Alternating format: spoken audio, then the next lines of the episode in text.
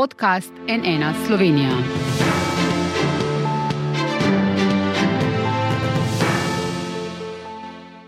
Dobr dan, to je NN studio. Manj kot mesec dni pred prvo obletnico ruske invazije na Ukrajino je vojna v Evropi na pomembni prelomnici.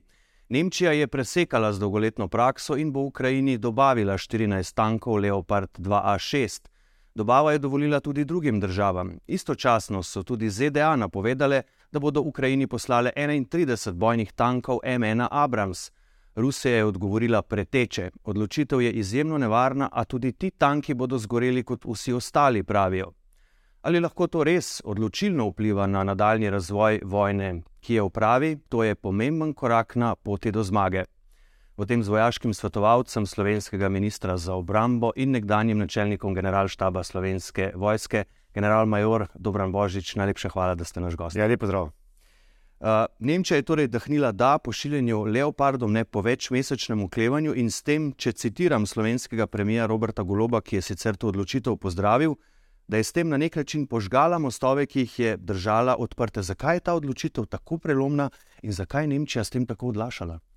Vsekakor je treba povedati, da je pomembna odločitev Nemčije, da se je odločila za uh, okrepitev ukrajinske obrambe in bo uh, verjetno pomembno prispevalo, uh, da bodo Ukrajinci uspešni pri obrambi Ukrajine. Verjetno je Nemčija to razmišljala toliko časa glede, glede svoje preteklosti.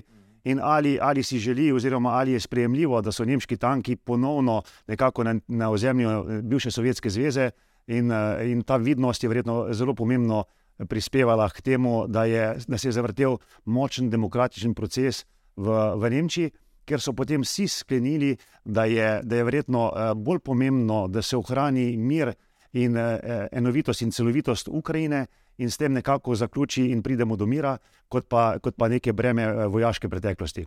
Ja, ampak vendarle izjava kanclerja Olafa Šulca je takole, ne bom kar citiral. Vsem, kar počnemo, moramo vedno jasno povedati, da delamo, kar je treba in mogoče, da podpremo Ukrajino, a da hkrati preprečujemo, da bi vojna prerasla v vojno med Rusijo in NATO. Zdaj, glede na to in vse, kar sledi, verjetno ne, ni ta izjava morda nekoliko kontradiktorna, morda bi jo kdo razumel tudi na tak način. A, absolutno, torej, vedno sta dva pola. Eni pravijo, z več orožja prispevamo potem še k večjim napetostim, večjim, večjim sporom in uh, uh, krepiti vojne. Eh, drugi pol pa mislim, da tisti pravi, da, da pravi, da orožje bo prispevalo k temu, da dosežemo mir v Ukrajini. Jaz mislim, da ta drugi del je, je pravilen. Eh, že Klausevic je rekel, da mir se doseže na dva načina.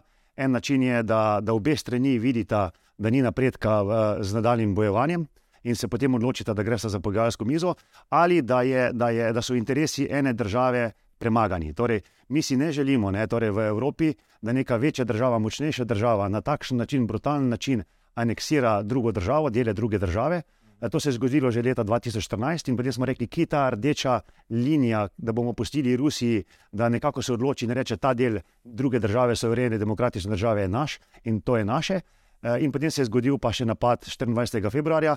In eh, mnenje, mnenje je, da eh, se Rusija na teh točkah ne bi ustavila. In to je tudi kazalo na začetku, ko so rekli, da je Kijev tiste, tista glavna tarča in da je treba zamenjati oblast v Kijevu in Ukrajino ponovno podrediti in, in verjetno aneksirati k Rusiji. Torej, jaz menim, da dobava orožja je tista, ki je pravilna odločitev, ki prispeva k miru, res pa je to nek paradoks. Torej, dobavati orožje, da prispevamo k miru. Da.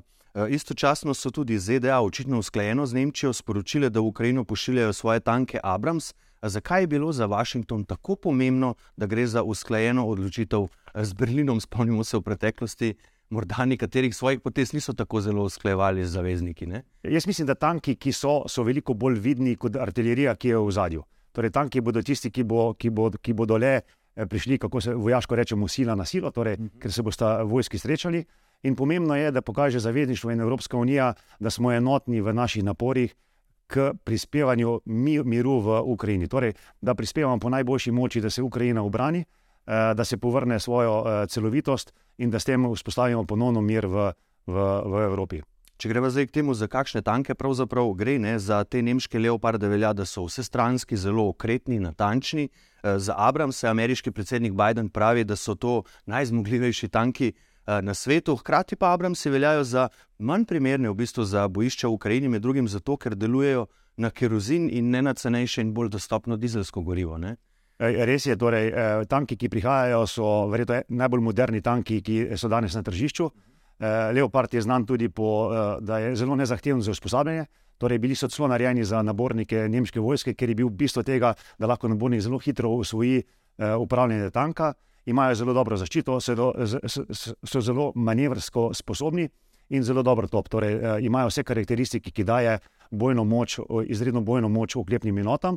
Po drugi strani so pa Abrams absolutno zelo dobri tanki, verjetno, verjetno celo verjetno eni najbolj zmogljivih. Res pa je, da je vzdrževanje, upravljanje in poraba goriva, sploh pa kerozina, izrazito zahtevna. Torej, mislim, da vsaj 30% več goriva porabijo kot pa Leopard in ostali tanki. Gre pa vsekakor za veliko bojno moč, gre za jasno sporočilo Evrope, da smo enotni in da podpiramo enovitost in celovitost Ukrajine.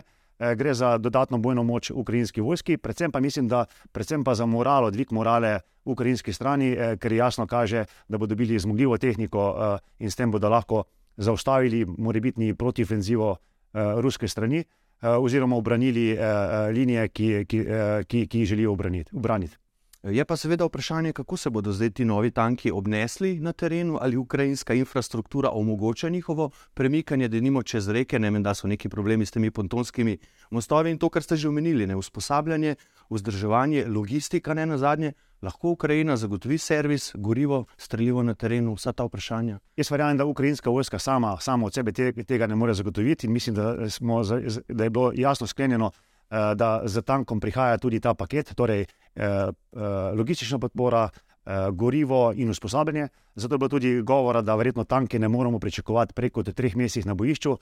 Ne moremo samo tank kot zelo eno kompleksno vozilo dati na teren in potem pričakovati, da se bo v isti uri uporabil. Torej, Eh, ne glede na to, je pa verjetno prihajajo v najbolj kritičnem in zadnjem trenutku, torej pričakuje se protiofenziva ruske strani, da zasedajo na vzhodni strani, eh, na vzhodni strani eh, zajetni kos ozemlja. In verjamem, da bodo pomagali pri obrambi Ukrajine, ta, ta moderna tehnika in bojna moč, ki dobiva Ukrajina. Ali je to prelomno? Verjetno ne, torej ne, ne pomeni tako velika zmogljivost, da bi bilo to zdaj prelomno, je pa pomemben, pomemben prispevek k bojni moči in morali. Zdaj ste me v bistvu pripeljali do tega ključnega vprašanja. Ne rekli ste, da uh, v Ukrajino ne bi leopardi prispeli recimo v treh mesecih, pravijo Nemci, ne Abramsi, ne prej kot jeseni iz Amerike.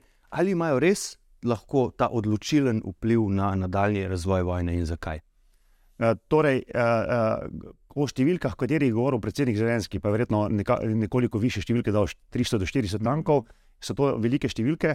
Res pa je, da tudi že 90 tankov naredi svoje, torej 90 modernih tankov v primerjavi z rusko tehnologijo lahko naredi svoje. Torej vsi tanki, ki prihajajo, so najmanj enakovredni ruskim tankom, če ne celo veliko boljši torej, in, in lahko naredijo spremembo. Uh, zadanejo cilj na, na daljši razdalji, uporabljajo boljše streljivo, ki ima večjo uh, uh, uh, prebojno moč uh, in so veliko bolj zaščiteni, in tudi manevrske sposobnosti so boljše. Uh, in na drugi strani, kot sem rekel, lahko dvignejo moralo, moralo Ukrajini.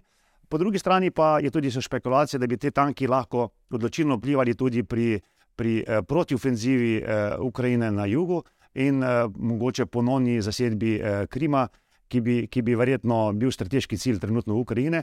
Vprašanje pa, kako bi Moskva absolutno gledala uh, na, na razvoj teh dogodkov, ker verjetno Krim gleda čisto drugače, kot ga, kot ga gleda Ukrajina. Mogoče. Ja, k temu pridemo še malo kasneje. Zdaj, rekli ste sami, da Ukrajina si želi vsaj 300 bojnih tankov, eh, dobavo so ji obljubile zdaj tudi Velika Britanija, Poljska, Finska, Španija, Norveška, tudi Francija. Eh, resno razmišlja o tem, ima svoje tanke, ampak končne odločitve še ni sprejela. Ali menite, da se bodo zdaj upogumili še druge, še nekatere druge države, da bo Ukrajina na koncu res lahko se približala te, te želeni številki 300 tankov? Jaz upam, da ja. Uh, treba je podariti, da ne gre za mir v Ukrajini, gre za mir v Evropi.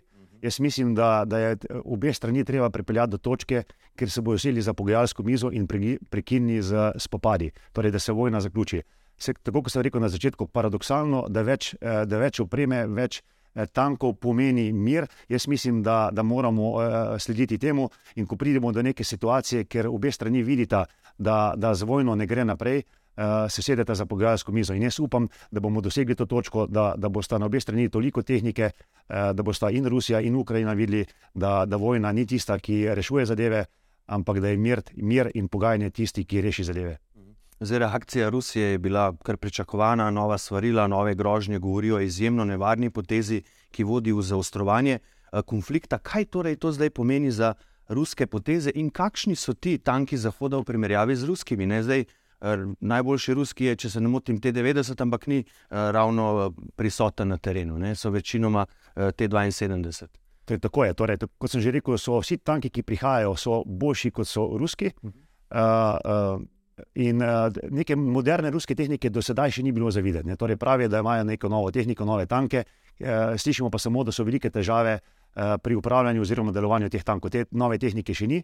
Res je, verjetno Rusija, ne, če pravi, da bo vsak tank zagorel, verjetno, ko tako komentira te grožnje, vidijo, da je to neka zmogljivost, vojaška zmogljivost, ki Ukrajino postavlja v enakovreden položaj uh, Rusije. Pomembno pa pri tem je, ne, da, da je Ukrajina veliko bolje kot Rusijo, eh, Rusija pokazala, da so bolj sposobni pri manevrskem delovanju torej, in združenem bojovanju. To pomeni tankovskih enot, oklepnih enot, pehote in artilerijske podpore. Torej, so boljši pri uporabi vseh treh komponent.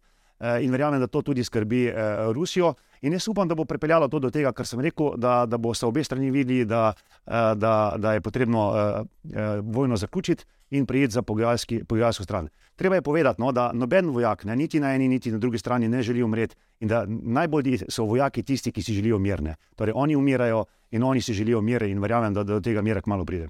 Pa ta sporočila Rusije, ki so, eh, kako vi to razumete kot tisto klasično, ne, kar poslušamo že vse čas, kadarkoli Zahod potegne kakšno potezo, svarila, zelo, zelo preteča eh, sporočila, ali imajo zdaj eh, ob tem, bom rekel, ob tej prelomnici, če je to prelomnica, dejansko razlog za skrb?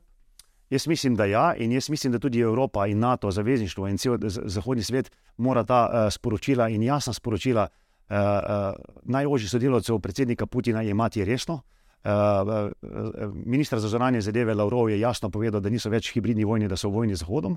Uh, in jasno je bilo tudi povedano, povedano da, da je to jedrska država in da, nekega, torej, da ne more izgubiti. Eh, mi nikoli, verjetno, Zahod ni govoril, da, da bi kdo moral izgubiti vojno. Jasno je bilo povedano, da je celovitost in ukrajinska celovitost je tista, ki je pomembna in da je treba prekiniti vojno in iti v normalna pogajanja, da Ukrajina uh, doseže tisto, kar si želi in da tudi, verjamem, rusko stran slišimo uh, njihove težave in da, in da pripeljemo do, do, do mira. Torej, treba je poslušati jasno sporočila, ki jih daje uh, Moskva in jih ne smemo ignorirati. Ne, torej, ne smemo tako, kot zapade prvi sneg, pa smo vsi presenečeni. Torej, Moskva daje tudi jasna sporočila, ki jih je potrebno, potrebno upoštevati. Ja, Ukrajina pa zdaj pričakuje še več orožja. Ne? Predsednik Zelenski je takoj po napovedi Nemčije o Leopardih zaprosil še za bojna letala in še za rakete dolgega uh, dosega. Kakšna je verjetnost, da bi Ukrajina dobila to?